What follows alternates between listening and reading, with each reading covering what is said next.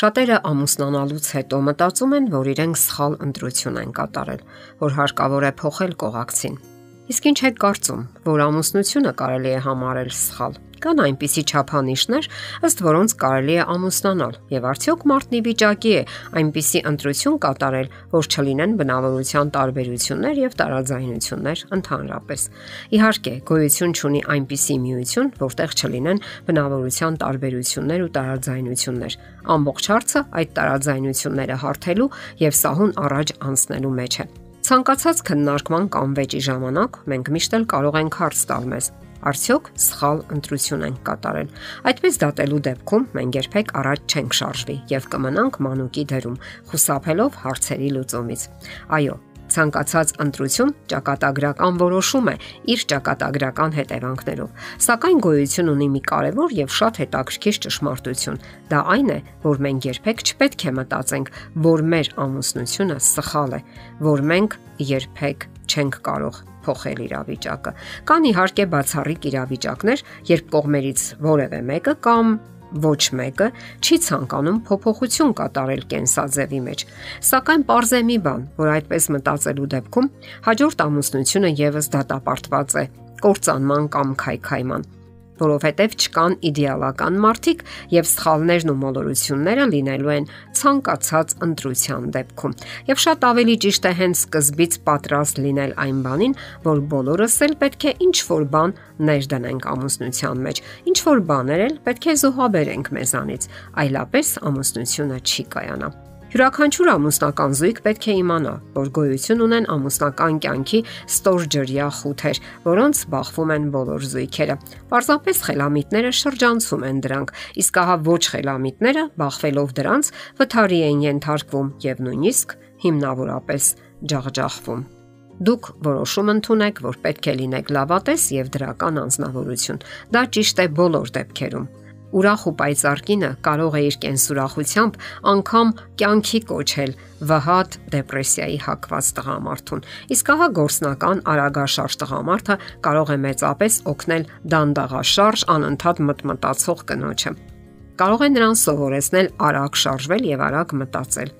Խնդրահարույց հարցեր եւ իրավիճակներ միշտ էլ կարող են առաջանալ Դա կյանքն է, որի ընթացքում մենք անընդհատ ինչ որ ձևով հարցեր ենք լուծում եւ հիմնախնդիրներ ենք parzabanum։ Իսկ երբ սովորում ենք դրանք լուծել իրատեսական եւ արդյունավետ ձևով, ապա աստիճանաբար մարում են նաեւ բախման հնարավորությունները։ Եթե դուք որոշում եք ընդունել փրկել ձեր ամուսնությունը, այլ ոչ թե նոր մարդկանց մեջ գտնել ելքը, ապա կարող եք իսկապես փրկել այն։ Փոխադարձ դրական արարքները շնորհակալության զգացում են առաջացնում եւ մղում հետագայում էլ այդպես վարվելու։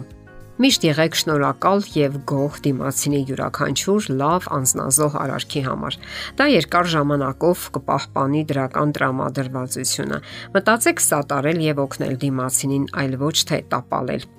Մի մտածեք ինքնահաստատվել դիմասինի սխալների հաշվին, այլ որոնեք ելքը, թե ինչպես օգնել նրան ազատվելու այդ սխալներից։ Ձեզ համար կյանքի կանոն դարձրեք ազատագրվել սեփական սխալներից, ոչ թե որոնեք այդ սխալները դիմասինի մեջ։ Որոշում ընդունեք այնպես խոսել եւ գործել, որ դիմասինը համբերությունից դուրս չգա, եւ դա իհարկե պետք է լինի երկկողմանի։ Եթե օրինակ կինը շատ երկար է մնում հայելու առաջ եւ դա նյարդայնացնում է ամուսնուն, նա կարող է կրճատել այդ ժամանակը, իսկ տղամարդն էլ չպետք է կանգնի դռան առաջ եւ նայի, թե ինչպես է կինը միայնակ հավաքում իրերը, որpիսի միասին տեղ գնան եւ դեռ մի բան էլ արագացնելու կոչեր անի կնոջը։ Այդ ընթացքում չմոռանալով տրամաբանական հզոր փաստարկներ բերել, թե որքան դանդաղաշարժ է կինը։ Ամուսնության մեջ ամեն ինչ համարյա փոխկապակցված է։ Մենք սովորաբար ստանում ենք այն, ինչ տալիս ենք։ Ստանում ենք այն, ինչ ներդնում ենք, սակայն որոշ ամուսնություններ երբեմն անznազողության մարտադաշտ են հիշեցնում, որտեղ կողմերից մեկը անընդհատ տվողի ներդրողի դիրքում է։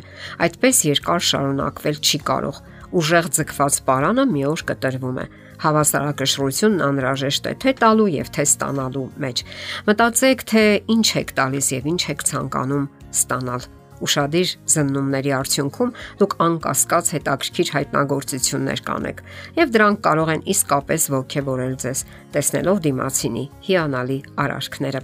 երախտագիտությունն ու գոհության հոգին ամուսնական հարաբերությունների լավագույն բարեկամներն են։ Իսկ ահա մշտական դժգոհությունը եւ անշնորհակալության հոգին մի օր հիասթափեցնում են նրան, ով ջանքեր է գործադրում կարգավորելու հարաբերությունները։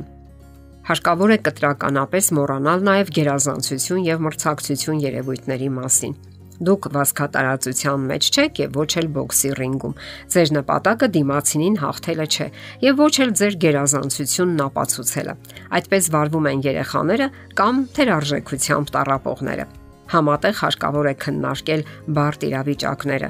եւ դիմացինից խորհուրդներ ընդունելը երբեք էլ չի նվաստացնի ձեզ։ Դա ավելի շուտ հարգանքի նշան է։ Եվ հիշեք, այս բոլոր որակները չեն գալիս ամուսնության հենց առաջին օրերին։ Դրանք երկար տարիների համատեղ ջանքերի արդյունք են։ Ահա թե ինչու կարիք չկա անմիջապես հիասթափվելու եւ մտածելու, թե սխալ ընտրություն եք կատարել։ Ավելի ճիշտը այսպես մտածելն է. ես չեմ սխալվել։ Եթերում ընտանիք հաղորդաշարներ։